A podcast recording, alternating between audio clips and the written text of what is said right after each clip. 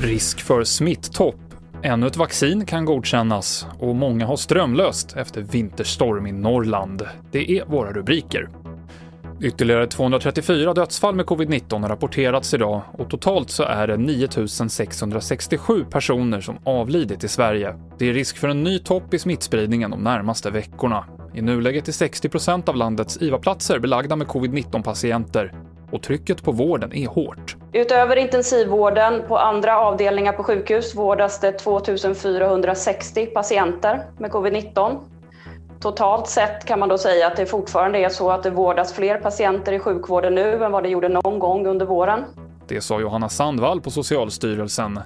Drygt 80 000 personer i Sverige har fått coronavaccin, men många regioner har sparat till en andra dos.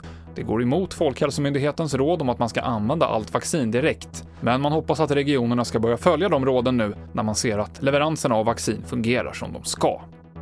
Och vaccinleveranserna kan bli fler, för ett tredje coronavaccin kan godkännas för användning i Sverige och de andra EU-länderna.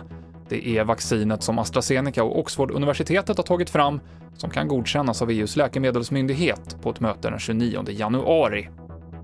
Och snöandet i de norra delarna av landet kommer inte mattas av förrän i natt och ovädret har lett till strömavbrott i framförallt Västernorrlands län där omkring 4 800 kunder fortfarande är utan el och på vissa håll kan man få vara det länge för det är svårt att ta sig fram för att åtgärda felen.